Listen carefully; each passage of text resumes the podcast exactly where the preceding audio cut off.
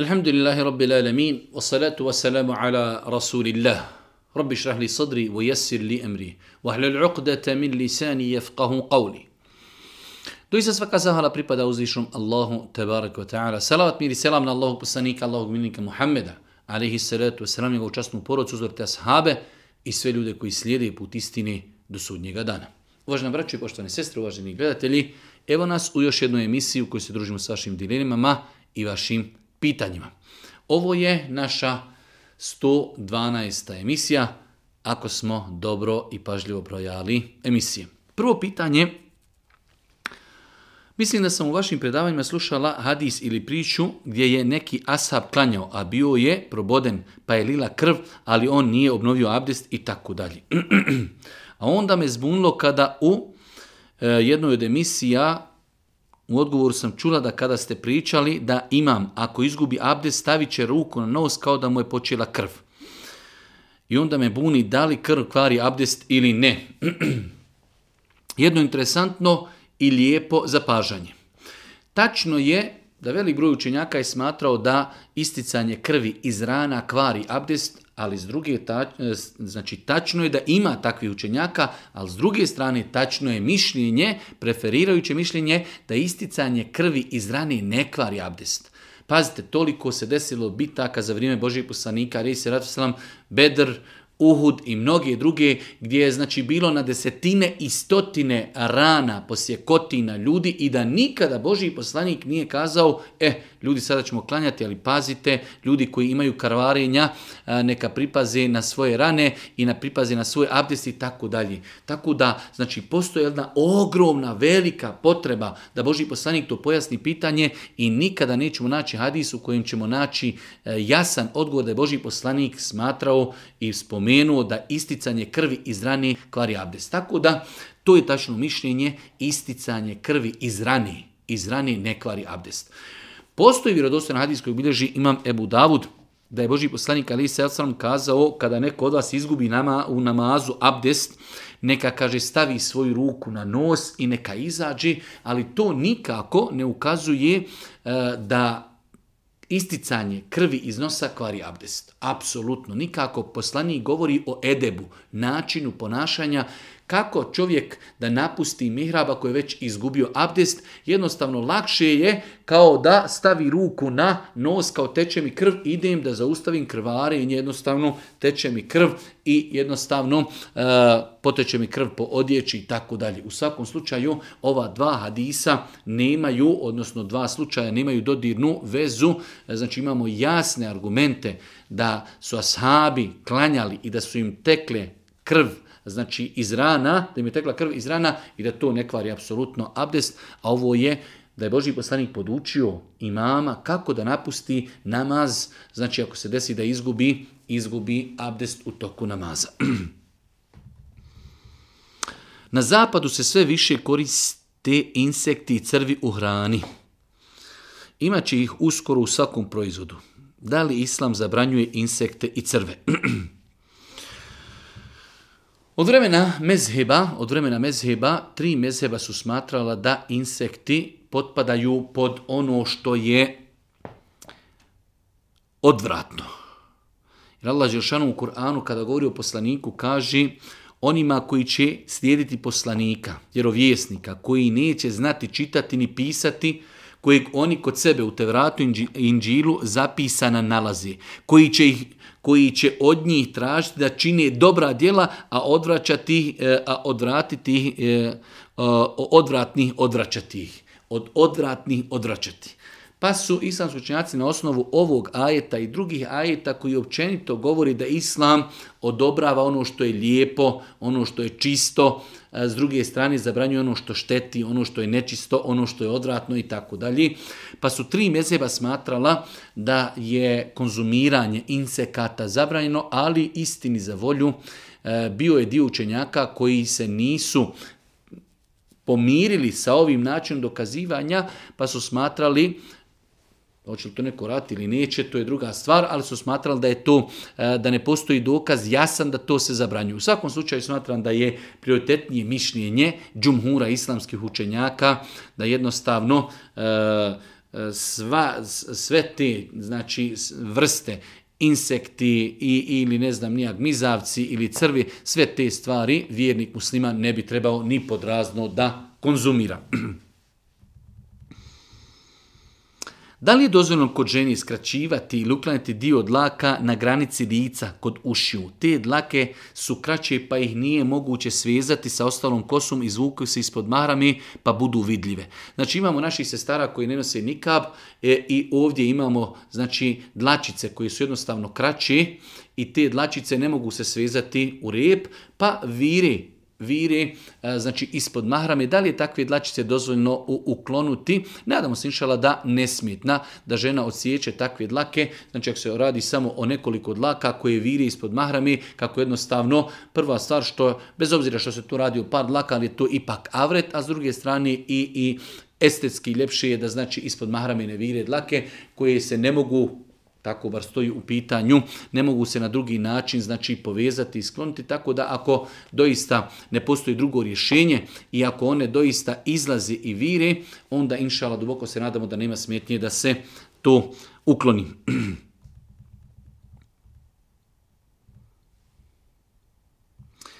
Malo duže pitanje, ali na kraju kaže, jedan hafiz je dolazio u moju kuću i tako kroz priču mi je rekao da ne bih trebala slušati Kur'an dok spavam jer je to nepoštovanje Allahovog govora da li je tačna konstatacija da čovjek koji legni spavati upaljuje Kur'an i zaspi, a Kur'an i dalje uči, da li je to nepoštovanje Allahovog govora?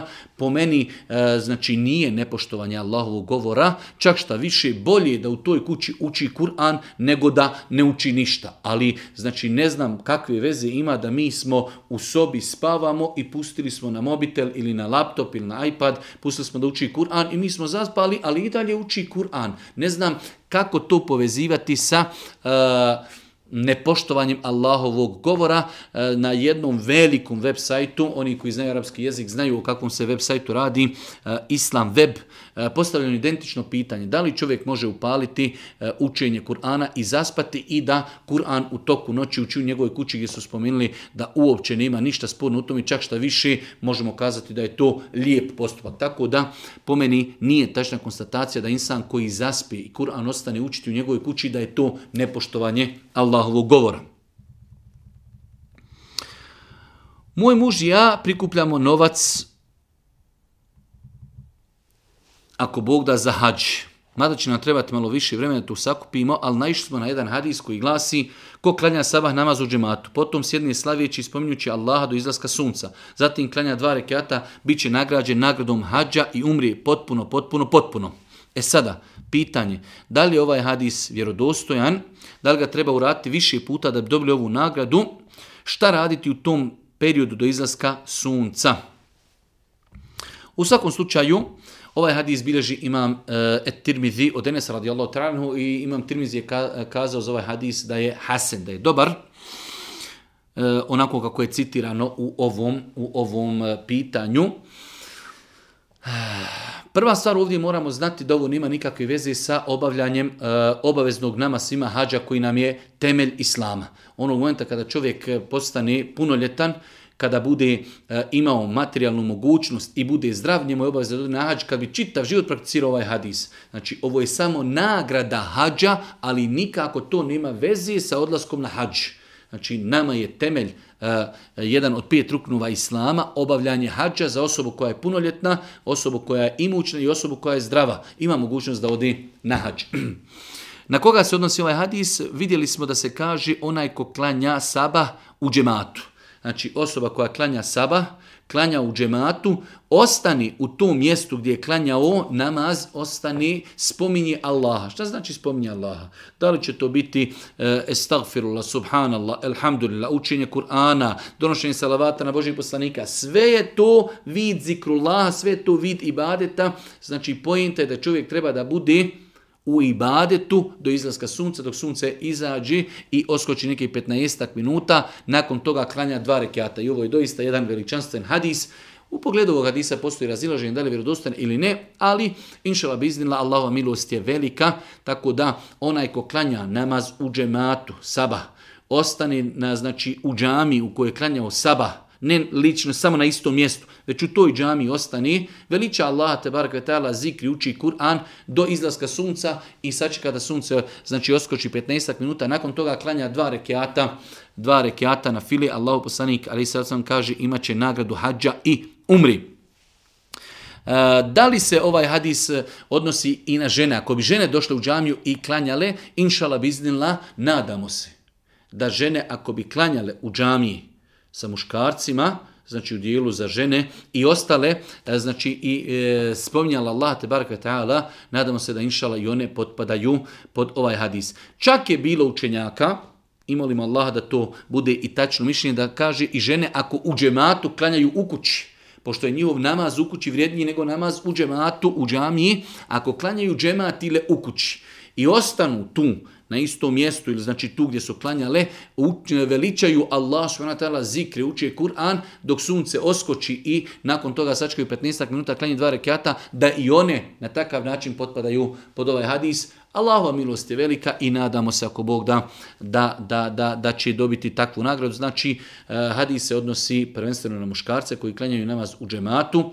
Eh, da bi se ispunila ova nagrada treba klanjati namaz u džematu, sabah namaz u džematu, ostati u džamiju koji se klanjalo, veličati Allaha, učiti Kur'an do izlaska sunca i nakon toga sačekati 15 minuta da se sunce oskoči, klanjati dva rekiata, Nagrada za takvo urađeno dijelo je nagrada hađa i umri.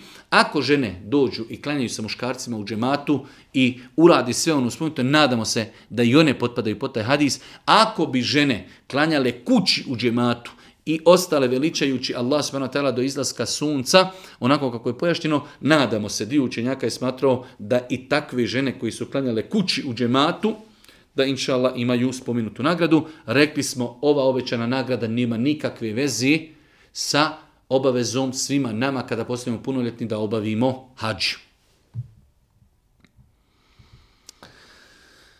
Klanjam vitr namaz prije spavanja i dobila sam mjesečnicu, a nisam klanjala vitr. Da li trebam kada se okupam naklanjati vitr? Znači imamo našu jednu sestru koja odgađa klanjanje vitr namaza do pred spavanje nakon što je klanjala jaciju, dobila je mjesečnicu, da li kada se okupa treba da naklanja vitr namaz? Ne.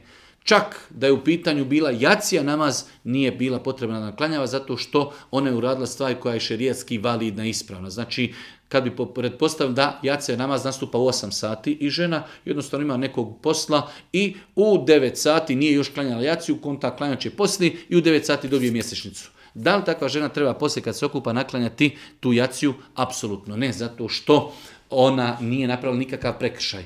Odgodila je jaciju do perioda kada je imala pravo da to uradi. Tako isti je propis i za vitr namaz.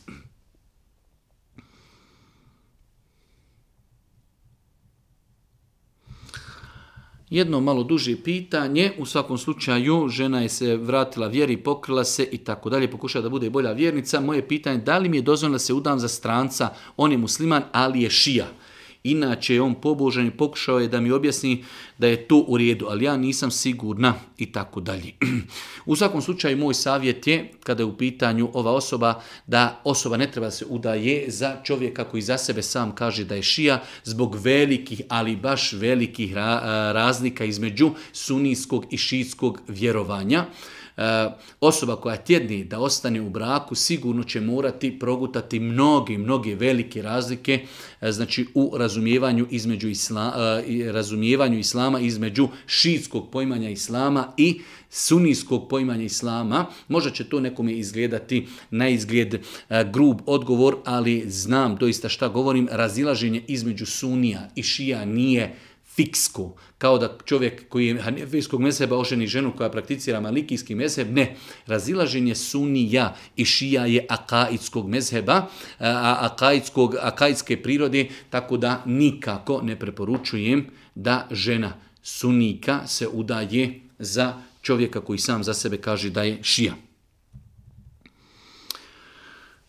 Došao sam u situaciju da mi sljedbenici sufijski redova govori da je šehul Islam ibn Taymiye, Allah mu se smilo bio sufija, zbog nekih tekstova kojima je to tvrdio. A to navodno saudijska izdavačka kuća ne želi da objavljuje u zbirkama njegovih fetava. Zanima me da li je doista Ibn Taymiye bio sufija i da li je to taj tesavuf i sufizam današnjici. Notorna je laž tvrditi za šihul islama Ibn Taymiyeo, rahmetullahi alehi, da je bio sufija. To je znači noturna laž. E, neka nam neko pokaže članke gdje za sebe Ibnu Tajmije, rahmetullahi alihi, kaže da je Sufja. Ibnu Tajmije, rahmetullahi alihi, po mom nekom skromnom mišljenju je možda i jedan od, bez pretjerivanja, najvećih islamskih umova. Kada bi čovjek trebao da odabiri samo jednog učenjaka u historiji islama, onda ako bi izabrao Ibnu Tejmiju, rahmetullahi alihi, sigurno ne bi, ne bi promašio i ne bi pogriješio. Tako da kazati za takvog jednog čovjeka da je bio Sufija je notorna laž. Ibnu Tejmije, rahmetullahi alihi, njegove knjige svjedoči o njemu, o njegovom akidetu, njegovom menheđu, gdje je detaljno ukazivao na devijantne pojave svih frakcija u islamu.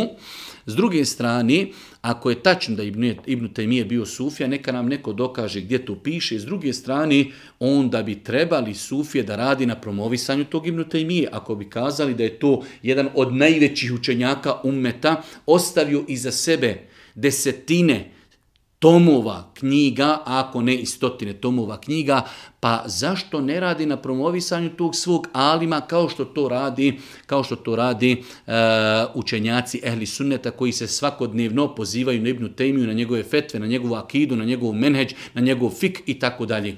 Ako je tačno da je Ibnu Tejmije bio sufija, zašto znači e, sufizam ne radi na promovisanju Ibnu Tejmije i njegovih dijela, njegove akide, njegovog menheđa? E, svako onaj ko imalo poznaje akidu, dovoljno je da pročita jedan samo e, tekst, jednu fetvu, e, jedan tom Ibnu Tejmije, rahmetullahi alihi, u poglavlju akideta i da shvati e, koliko, je, koliko je daleka, daleko od istine konstatacija da Ibnu Tejmije, rahmetullahi rahmetullahi alihi bio sufja. Da li je dozvoljeno operisati oči ako nam je Allah odzeo malo vida? U svakom slučaju jedno malo e, duže pitanje, ali e, rezime pitanja je da li čovjek koji ima problema sa vidom, mora nositi naočale, da li mu je dozvoljeno da uradi operaciju kako bi pokušao da laserski ili na neki drugi način jednostavno povrati, e, povrati vid u neku normalu. Islamski učenjaci su smatrali ovakve operacije dozvoljenim zato što je to pokušaj povratka e, čovjekovog tijela e, u prijedhodno stanje. Jer dosta puta kada smo govorili o estetskim operacijama, plastična hirurgija i tako dalje, kazali smo ako se radi uh, E, o situacijama gdje čovjek imao primjer radi saobraćajnu nesreću ili nešto pa e, putem operacija doktori pokušavaju da njegovo tijelo vrati u prvobitno stanje ili presađivanje kosi ili nešto slično tome da je to sve dozvoljeno tako isto i ovdje kada je u pitanju oštećenje vida da li je čovjeku dozvoljeno da radi e, operacije u kojima će pokušati vratiti svoj vid u neku normalu Uh, Da li se to smatra izmjenom Allahovog stvorenja? Inšala bizna ne smetra, znači islamski učenjaci savrnog doba dozvolili su operacije, mi sad ne govorimo o vrstama operacije, ne govorimo ko će raditi, ko neće raditi, da li šteti, da li nešto, govorimo generalno da li je dozvoljno raditi operaciju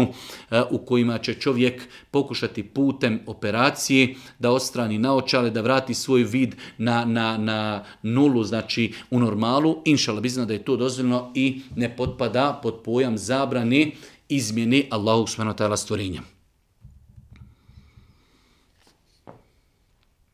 Pitanje da li čovjek koji nije klanjao nekoliko namaza, kada bude naklanjavao namaze, da li će nakon svakog namaza zikriti?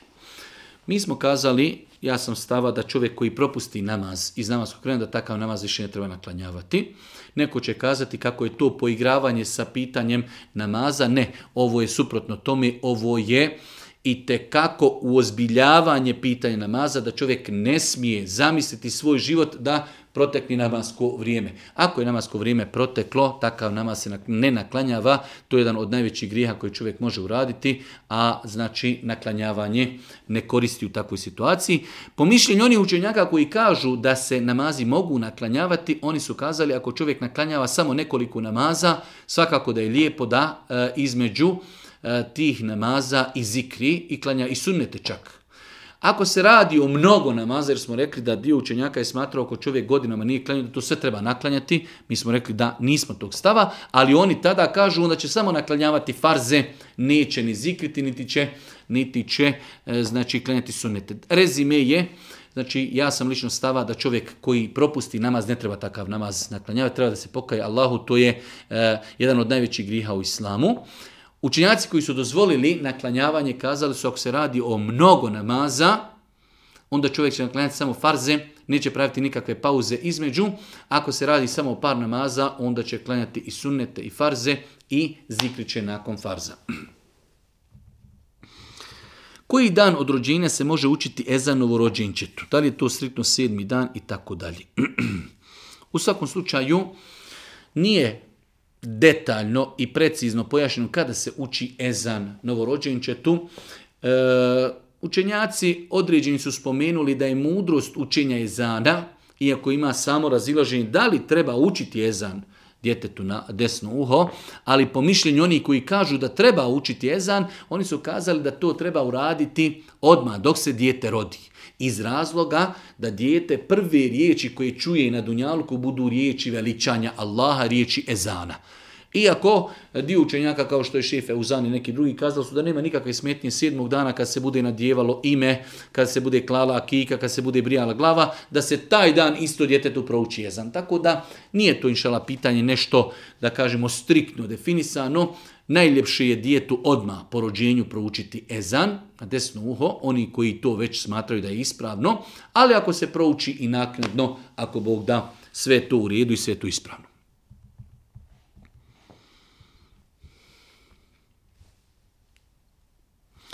Imam problem, teško je stanje za vraćanje dugo, iako mi je želja e, jedina da ih vratim. Mnogi mi govore da ja ne trebam zbog svog duga da koljem kurban i tako dalje. Da li je obaveza insanu koji ima dugove da kolje kurban? E, kurban u osnovi, po mećini islamskog učenjaka, je pohvalan i lijep čin e, za insana koji je imućan. A da ne govorimo o insanu koji je u dugovima, tako da insan ne treba da se opterećuje. E, ispravno je znači da je lijepo i pohvalno da se kurban zakolje od strane onoga ko može, ali insan koji ima dugova ne treba da se opterećuje, to je opterećavanje insana preko njegovih mogućnosti. Ako bi insan imao određene dugove, a mogao bi se izorganizirati da u svemu tome i zakolje kurban inšal, njegov kurban je i više nego ispravan. Ali da li čovjek treba da se opterećuje, ima dugove, ne zna gdje glavom udara i da mu kažemo treba da kolješ kurban, apsolutno ne. Šta se kaže kada neko kihni? Jedno lijepo pitanje. Znači, velik broj ljudi, muslimana, ne poznaje edeb. Kako se ponašati prilikom kihanja? Imamo više vjerodostojnih hadisa u kojima Allah poslanik detaljno pojasni ovo pitanje, pa je preporučeno da insan kada kihne kaže Elhamdulillah. Znači, insan koji je kihnuo kaže Elhamdulillah oni koji su u njegovom okruženju, koji su ga čuli po preporici Božije poslanika, kažu jerhamu kellah ili jerhamu kumullah, znači u množini, jerhamu kellah, Allah neka ti se smiluje. Onaj koji je kihnuo ponovo odgovara i kaže jehdikumullahu wa yuslihu balekum. Jehdikumullahu yuslihu balekum. Znači prvo čovjek kada kihne, treba da kaže elhamdulillah. Ako ne kaže elhamdulillah, ostali mu neće ništa znači odgovarati. Ako kaže elhamdulillah, oni koji su tu prisutni kazat će mu jerhamu kellah, Allah ti se smilovao, onda on njima odgovara i kaže jehdikumullahu wa yuslihu balekum, neka vas Allah uputi i popravi vaše stanje. To je ono što bi vjernik trebao da zna kada je u pitanju e, ponašanje, kodeks ponašanja prilikom kihanja. Osoba koja kihne kazat će Elhamdulillah, oni koji ga čuju će kazati Jerhamu ke Allah. Čak je dio učenjaka smatrao da osoba koja čuje nekoga da je kihnuo i rekao Elhamdulillah, da oni koji su prisutni trebaju obavezaju da kažu Jerhamu ke Allah. Nakon toga onaj koji je kihnuo odgovara i kaže Jahdikumullahu wa yuslihu balekum. Da li je dozvoljno prodati psa za kojim više nemam potrebu iz privatnih razloga? U pitanju je belgijski ovčar, dresiran i tako dalje. U svakom slučaju imamo vjerodostojno hadise koje bilježi ima Buharija i Muslim da je Allah poslanik zabranio i metak koji se dobiva prodajom ili kupovinom pasa. Femenul kelb, znači novac zarađen od pasa. Tako da, ispravno je mišljenje da instan ako već ima nekog psa, bez obzira, ako ga se želi riješiti, da će ga nekome besplatno onome ko će ga držati na šerijetski dozvoljen način. Znači, kupovina i prodaja pasa u islamu nije dozvoljena. E sada, imamo moment kada čovjek ima potrebu za šerijetsku potrebu za psom i Boži poslanik je izuzeo tri situacije kada je dozvoljeno da imamo psa uh, kada je u pitanju znači e, lov, kada je u pitanju usjevi i tako dalje. U takvim situacijama čovjek treba da pokuša psa nabaviti besplatno, ako ne može, onda će ga kupiti, a griješan je onaj koji je prodao. Griješan je onaj koji je prodao, ali ako se radi o situaciji kada mi imamo psa, onda treba da ga se riješimo besplatno, da ga damo nekome ko će ga e, koristiti u stvar koja je šerijetski dozvoljena. Stvar šerijetski dozvoljena, nećemo mu ga prodati.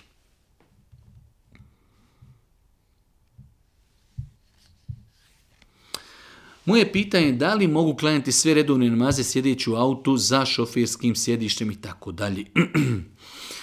Više puta smo kazali, bez obzira da li se radilo o vozačima kamiona ili vozačima auta, da insan kada je na putu, musafir, njegovi namaz se dvije, dijeli u dvije kategorije, na file i dijelimo, imamo farze. Na file dobro namaz se mogu klanjati, znači za volanom, mogu se klanjati sjedeći i ne moramo se okretati prema kibli, možemo biti okrenuti onako kako se vozimo.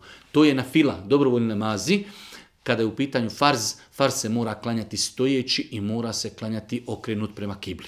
Da li to čovjek može izvesti u kabini, da li će to urati u prikolci, da li će to urati pored kamiona, znači treba da se potrudi da namaz klanja stojeći, potpuno stojeći i da klanja okrenut u pravcu kibli. Poštovani Peziću, imam dva pitanja. Ako sam klanjala podni namaz prije 15 minuta nego će ikindija, da li moram uzeti ponovo abde za ikindiju? I još jedno pitanje, djevojica od 12 godina izrazila želju da klanja sa mnom, pa me zanima za početak da li mora sve klanjati po propisu ili ne, tačnije, da li mora znati salavate i dove. U svakom slučaju, prvo pitanje, ako žena klanja 15 minuta prije nastupanja ikindije, I nakon toga nastupi i Kindija, ako nije uradila ništa što kvari abdest, svakako da nema smetnje da klanja sa tim abdestom od podnje, da klanja i Kindiju.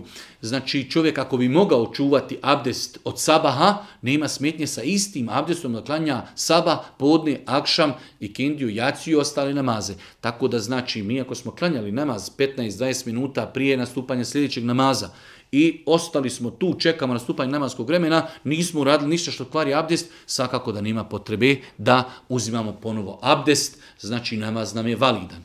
Da li može dijete od 12 godina da klanja ako ne zna sve što treba? Svakako da može, e, jednostavno to je period navikavanja djeci. E, ovdje su u pitanju dijete ne zna salavate i ne zna određene dove. Bitno je znači da dijete se lagano podučava, da zna fatihu, da zna zikrove na ruku, da zna znači, zikrove na seždi i tako dalje. Generalno taj period navikavanja učenja i podučavanja, ako Bog da, e, nije sporno ako dijete određene stvari i ne zna, jer jednostavno to je period podučavanja.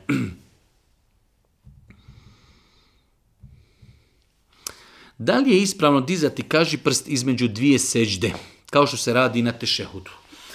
Znači, da li je ispravno čovjek kada je na između dvije sežde, bili smo na seždi, vraćamo se i ima taj mali period kada čovjek znači sjedi između dvije sežde, da li tada treba podići, kaži prst, znači micati, kaži prst, tačno je mišljenje džemahira. Apsolutno velika većina islamskoj činjaka je smatrala čovjek između dvije sežde će držati znači ruke na stegnima i neće micati, kaži prst, neće micati, kaži prst, niti će kaži prstom pokazivati u pravcu kibli, već će ruke znači držati spuštene na stegnima. Mene zanima da li mi je ispravan sabah namaz ako ga klanjam prije zori, tačnije ako klanjam u 5 sati. E, dosta puta ljudi e, ne pravi razliku između učenja ezana i nastupanja sabaha. Ako znamo da sabah zora nastupa u 5 i 20, sve što klanjamo prije 5 i 20 je neispravno. Ali imamo situaciju da sabah nastupa u 5 i 20, a ezan u džamija muči u 6.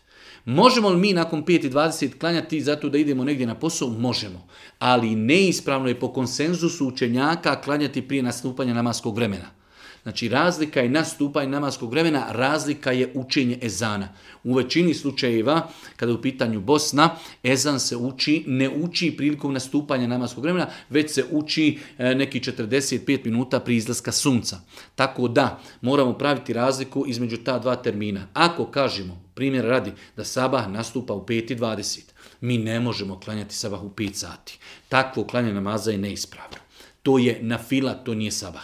Moramo se viknuti da organizujemo sebe i svoj život prema namazima. Da, ja znam da ima ljudi, mora krenuti na posao u 5 da bi stigao e, na vrijeme na posao, tada ćemo reći krenuti 15 do 5, negdje u putu se zaustavi na nekoj stanici s autom ili u metrou, 10 e, minuta klanjaj farze, otkući krenuti pod abdestom, klanjaj farze, opet u metru ili opet u auto i nastavi na posao. Ali se sabah namaz i kao svi drugi namazi mora klanjati u namaskom vremenu.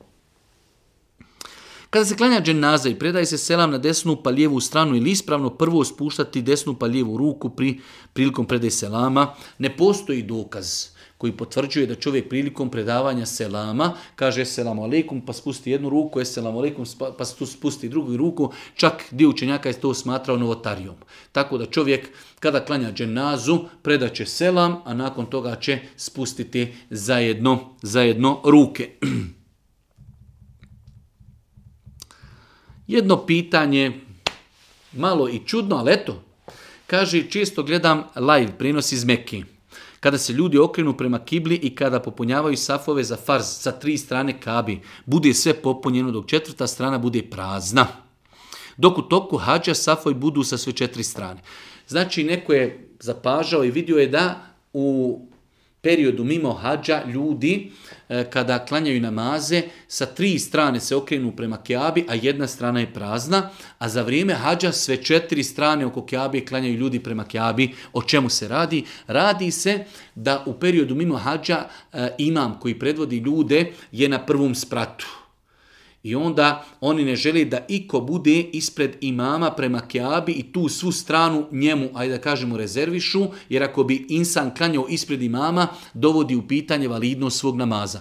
Tako da se mimo hađa ljudi okreću prema Kjabi sa tri strane. A jedna je strana, pošto imam nije blizu Kjabi, on je na prvom spratu, znači taj do ispred njega je prazan. Za razliku od hađa gdje imam dolazi kod vrata Kjabi i on je tu odma prvi i za njega se se formiraju safovi i ljudi klanjaju sa, čet, sa sve četiri strane kjabe. Nadam se, inša Allah, da smo to uspili pojasniti.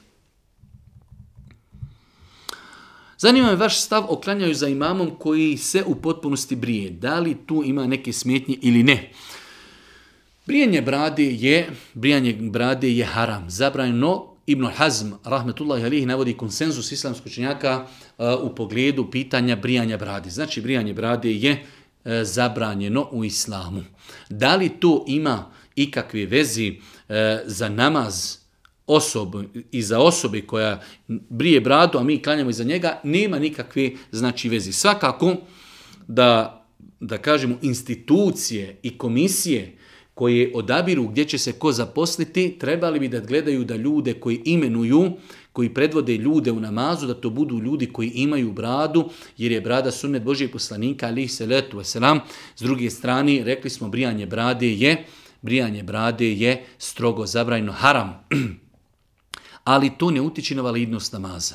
Znači, to je njegova privatna stvar, to je njegova privatna stvar, e, čovjek postavljen, od institucije koja imenuje imame postavljen njegov namaz bitno je da da je namaz kao namaz ispravan to što on brije bradu je između njega i njegovog gospodara iako znači institucije i komisije koje imenuju ljude trebali bi i toj e, i tom segmentu da posvete pažnju znači trebali bi da se imenuju ljudi koji imaju bradu koji slijede sunnet božjih poslanika alihi salatu selam dugo pitanje, pitanje broj 22, a to je, e, kaži, ja imam pitanje vezano za zemljotres koji se dešava u Turskoj Siriji. Pročitala sam e, kod rođaka od muža na temu šta reći kada se desi neka prirodna katastrofa i on me ubjeđuje da treba kazati elhamdulillah i tako dalje.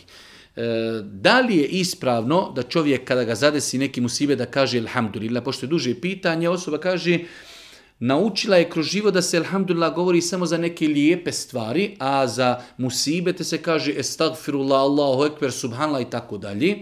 E, da li je to tačno? Nema smetnji, čak što više možemo kazati da je sunne da prilikom e, određenih nepogoda se kaže alhamdulillah. Imamo vjerodostan hadis koji bilježi imam Ibnu Mađe, a še Albani za njeg kaže da je Hasan, a iša radi Allahom kaže, radi Allah ta'ala anha kaže, Allahov poslanik kada bi vidio nešto što je lijepo, nešto što je, znači, desilo mu se nešto lijepo, kazao bi Elhamdulillahi levi bi ni'ametihi tetimu salihat. Hvala Allahu koji je bio razlogom da se ovo dobro dijelo upotpuni. A kaže, kada bi vidio nešto što prezire, nešto što nije lijepo, musibet i tako dalje, tada bi samo kazao, Elhamdulillahi ala kulli hal, hvala Allahu na svakom stanju. Tako da, e, tačno je da nema smetnje kada, znači, sana zadesi neki musibet, da se čovjek zahvali Allahu vjerujući u kader, vjerujući u odredbu, e, potvrđujući na taj način stepin strpljenja, zadovoljstva kaderom i odredbom. Tako da, znači, možemo čak kazati da je sunnet, da čovjek prilikom e, u situaciji kada mu se desi, da ga zadesi neka e, nedaće ili musibet, da kaže Elhamdulillahi ala kulli hal, hvala Allahu na svakom, na svakom stanju. Možete li pojasniti šta je vjerodostojno od svih raznih lejle, lejle lejleta. Malo, malo čujemo lejletul ovo, lejletul ono. Jeste, mi živimo u podneblju gdje malo, malo imamo razne manifestacije, noć blagoslovljena ova, noć blagoslovljena ona i tako dalje. Ono što je potvrđeno vjerodostojnim dokazme jeste da je noć Lejletul Qadr blagoslovljena noć potvrđena njena vjerodostoj e, njena njen blagoslov i Kur'anom i sunnetom Božijeg poslanika. A što se tiče znači ostalih noći Lejletul Ragaib, Lejletul Mi'raj, Lejletul Berat, sve te noći nemaju nikakvu posebnost i nema razloga e, za izdvajanje ovih noći u odnosu na druge noći, odnosno da se smatraju dodatno blagoslovljene, da su e, da se pravi manifestacije, ceremonije i tako dalje, e, znači ne postoje vjerodostojni argumenti koji ukazuju i izuzimaju ove noći u odnosu na druge noći. Koliko često je muž dužan dolaziti kod mene kao druge supruge i koja su moja prava u islamu vezano za to? Žena znači pita, e, njen muž ima dvije supruge, pita kakva su njena prava u pogledu muža. Njena prava su identična pravu prve supruge. Znači ako muž i žena prilikom sklapanja braka nisu napravili određene izuzetke, Može se desiti da čovjek nekada kada sklapa brak sa ženom e, koja mu je druga žena, da jednostavno ona kaže ili on kaže ne mogu dolaziti svaki drugi dan, e, dolazit sedmično ili ili kako se oni dogovori, to je nešto drugo. Ali ako nije bilo nikakvog dogovora, prva i druga žena se ne razlikuju u pravima.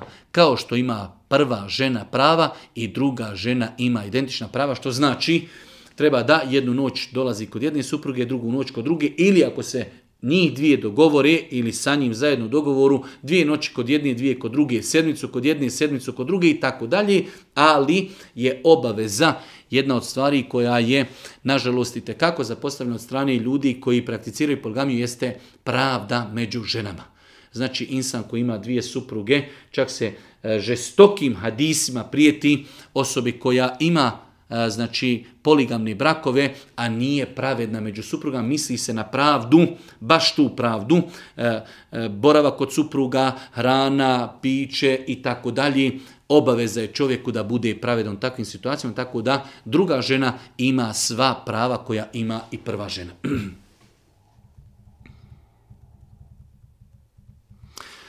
Ako hajz traje više od 10 dana, da li se treba okupati 9. noći hajza ili 10. dana? Ili se treba okupati tek nakon 15 dana? Jedno praktično pitanje, znači imamo situacije kod žena da im nekada traje hajz 9 dana uh, ili 10 dana ili više od toga, da li ima neki period kada žena treba da kaže ja se kupam bez obzira što imam krvarinje? Uh, E, to je poznato pitanje u knjigama Fikha, da li hajz ima svoju najveću granicu ili nema. Ja lično sam stava da ne postoji dokaz na osnovu koji bi kazali e, da hajz ima svoju granicu. Što znači? Ako bi kazali da, da, da je 10 dana maksimalna granica hajza, žena ima krv 10 dana i kažemo okupaj se i klanjaj, a ona kaže li ja imam istu krv, kao što je bila juče. Na osnovu čega smo kazali 10 dana ili čak i 15 dana. Tako da, e, sve dok žena ima krvarenje, sve dok žena ima krvarenje koje odgovara svojstvima hajza, to se smatra hajzom, pa makar to prešlo i 15 dana, iako je dio učenjaka smatrao ako priđe 15 dana da je to E, većina mjeseca, ali opet znači ne možemo napraviti izuzetak i promjenu propisa, a razlog propisa krv, eza, i dalje je prisutan. Tako da, ako je žena sigurna da je dobila mjesečnicu, I ako krv odgovara svojstvima mjesečnici, bez obzira što je to deseti dan, neće se kupati, znači čekat će da krv prestane.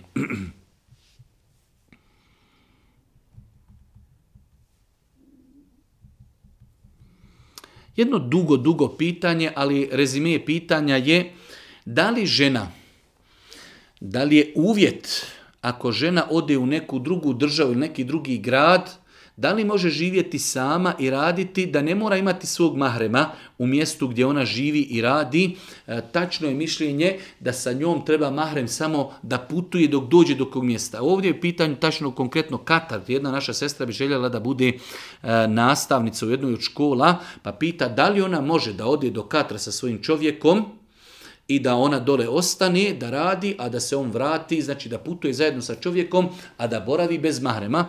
Pa je tačno e, mišljenje da žena, ako se ne boji za sebe, znači ako boravi u mjestu gdje, gdje preovladava sigurnost, ne boji se sama za sebe, znači za svoju čast, za svoj imetak, za svoj život, za svoju vjeru, nije uvijed da mora sa njom mahrem živjeti. Tako da, primjer, radi čovjek ima čirku, želi da studira u Istanbulu odveće tu svoju čerku do Istanbula, naći joj stan i ostaviti je, nije uvijed da mora sa njom kontinuirano biti mahrem prisutan, bitno je da sa njom mahrem putuje i kada se bude vraćala, da znači sa njom bude na putovanju. Tako da, e, da li je uvjet da čovjek mora biti e, sa svojom štićencom na mjestu gdje ona boravi, nije uvjet. Bitno je da on sa njom bude u uh, toku putovanja, a za njen boravak znači bitno je da živi u prostoru gdje ima svoju sigurnost za život, za čast, za imetak, za vjeru. Ako se osjeća sigurnom i zna da to može postići, nema smetnje da žena boravi u drugom gradu ili u drugoj državi, znači opet se odno dogovoru sa svojim čovjekom ili svojim e, znači starateljem.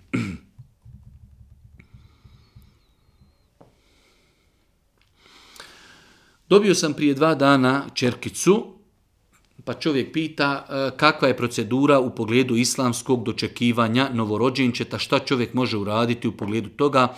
Rekli smo da velik gru učenjaka je smatrao da prilikom rođenja djetetu na desno uho treba proučiti ezan. S druge strane,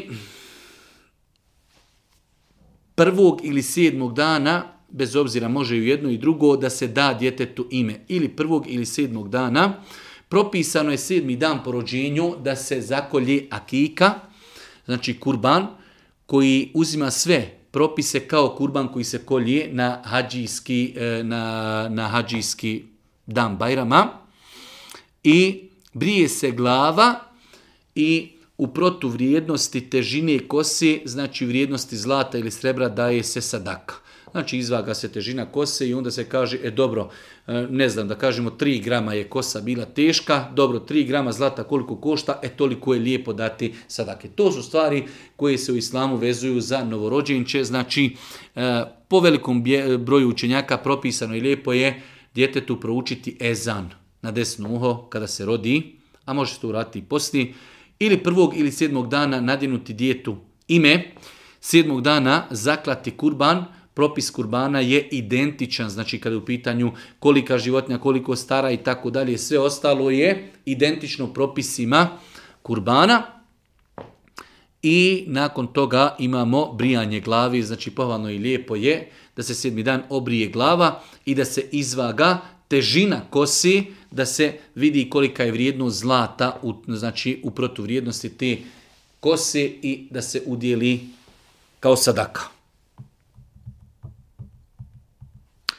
Ako se insan zakune Allahom da, da neću neku određenu stvaru rati, a ipak to uči, sam učinila, kažu da postoje tri mogućnosti kao otkup zakljete. Prva je da oslobodiš roba, a mi znamo da danas nema robova. Druga je da nahraniš deset siromaha i treća je da postiš tri dana. Pitanje, je li se stvarno ne može postiti ako se u financijskoj mogućnosti da nahranimo siromahe? He. Eh, ovdje ima i tačnih i netačnih informacija. Znači, insan koji prekrši zakljetvu e, može da se iskupi na sljedeći način. O to mi nam govori jasno, Kur'an kaže da nahranite deset siromaha hranom koju vi prosječno jedete, znači deset siromaha, ašratu mesakin min ausati matu tu'imune ehlikum eu kisvetuhum. Ili da ih odjenite, deset siromašnih osoba da im mi damo odjeću, Eu tahriru rakabe, ili da oslobodimo roba. Ove tri stvari možemo odabrati koju hoćemo. Ili osloboditi roba, ili nahraniti deset siromaha, ili ih odjenuti. Kada je u pitanju nahranjivanje, da im damo jedan obrok kojeg mi jedemo, otprilike, prosječni. Ako ni jedno od ove stvari ne možemo, onda idemo da postimo tri dana. Ako možemo bilo koju od ove tri stvari, ne smijemo prijeći na post i nije validno po konsenzusu učenjaka. Nažalost, velik broj ljudi kod nas kaže prekršio sam zakljetu, moram tri dana postiti. Nije ispravno, zapamtite, postiti po konsenzusu islamskih učenjaka tri dana ako imamo mogućnost da nahranimo siromaha ili da ih odjenimo. Ako ne možemo, osloboditi roba, niti na hranci romahe, niti možemo, niti možemo ih odjenuti, tek tada možemo prijeći na iskup posta tri dana.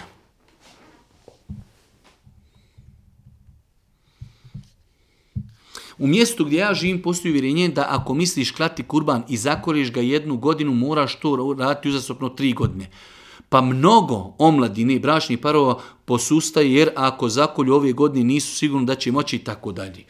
Pogledajte šta znači neznanje, šta znači džehel, kako ljude odaljavamo od vjeri i od propisa. Kurban je ibadet koji u osnovi propisan onima koji su imućni. Ali svake godine gledamo na svoje stanje. Može jedne godine čovjek biti najveća fokara, sljedeće godine da bude milijardir i obrnuto. Ove godine sam zaklao kurban jer imam novca. Sljedeće godine bio sam bolestan, nemam marki. Nelogično je tražiti da čovjek kolje, ako je zaklao jedne godine, da klanje, kolje kurban naredne tri godine, jer mi ne znamo stanje tog čovjeka. Tako da je ovo apsolutna greška. Svake godine iznova čovjek gleda na svoj hali, na svoje stanje. Ako sam imućan, elhamdulillah, lijepo i pohvalno zakoljen kurban. Nisam imućan, neću ni klati. To što sam prošle godine klao, klao elhamdulillah da Allahu kabuli, jer sam bio imućan. Mogao sam, ove godine ne mogu. Tako da je to jedno od neispravnih uvjerenja zastupljeno u našim podnijem, da čovjek ako je zaklao jedne godine, ovo je dobra opcija tri godine, ima običaj gdje mora više čitav život klati, što je apsolutno netačno. Svake godine iznova gledamo svoj hali stanje, onda kada budemo imućni, onda kada možemo, tada ćemo klati, onda kada ne budemo imućni, ne mognemo, nećemo ni klati i nema nikakav šerijatski dokaz da kažemo ako si zakla ove godine moraš još naredni tri godine, to je neispravno haram tumačenje, haram tumačenje šerijatskih propisa. Opet jedno malo duže pitanje, odlučio sam da klanjam da se riješim loših navika i tako dalje. E, želi čovjek da počne klanjati redom namaz, ali eto ima problem da ne može još da se odvikne od muzike. Pazite, e, ovdje šetan prilazi čovjeku i onda ako ne možeš ostaviti muziku nemoj ni klanjati. Što je neispravno. Čovjek treba u osnovi nemoguće da sve odjednom propise uprakticira. Sve što je naređeno da čini i sve što je zabranjeno da ostavi određene stvari će doći, da kažemo, postepeno. Ono što je najbitnije jeste da čovjek ustraje u temeljima vjeri. Znači, ispravno razumijevanje koje je gospodar, namaz, post, zekijat, hađ, izbacuju se lagano veliki grijesi, blud, alkohol, droga i tako dalje. Muzika jeste zabranjena u islamu, ali nikako ne može doći na, na, na, na level, niti na stepen, da mi zbog toga ne klanjamo namaz. Namaz je najbitniji, na, najbitniji ibadet u islamu. Pa insan koji redovno bude klanjao, osjeti slas namaza, sam će on vremenom sigurno, ali sigurno, ostaviti slušanje muzike kada osjeti slas dove, kada osjeti slas namaza, kada osjeti slas učenja Kur'ana i tako dalje ali ne smije to biti razlogom da ne počne radovno klanjati namaze. Kada klanjamo, gdje treba gledati kada smo na ruku u? Čovjek kada klanja u namazu, osnova je da gleda u mjesto gdje će činiti seđdu. Tako da i kada ode na ruku, čovjek gleda u tom, znači u tom momentu gleda u mjesto gdje će spuštati svoje čelo na seđdu.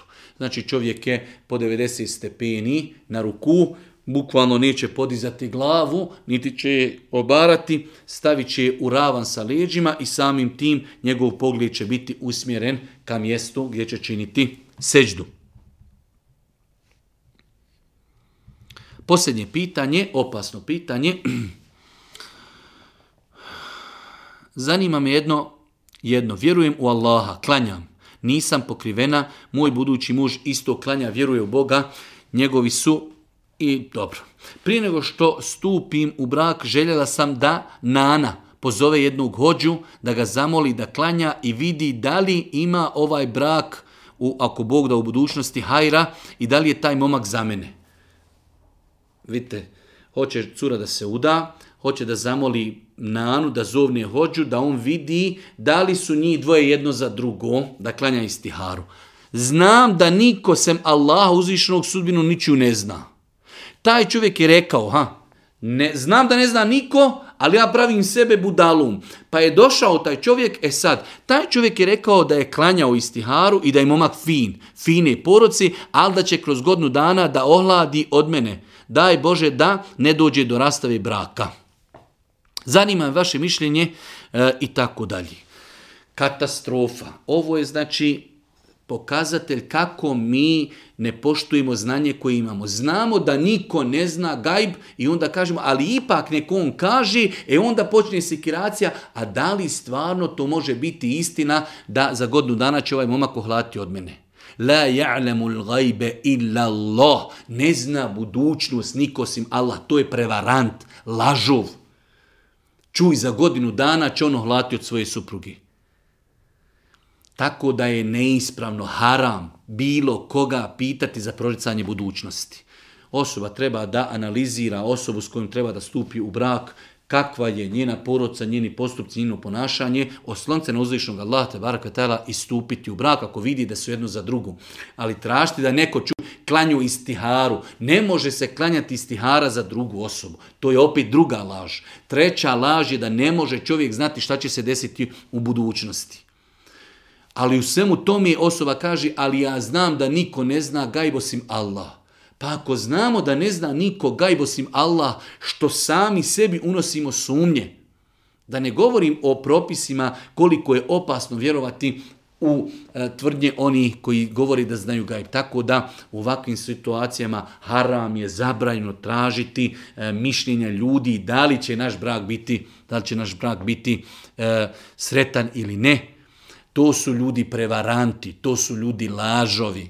Ne zna niko šta će se desiti naredne minute, a ne za godinu dana.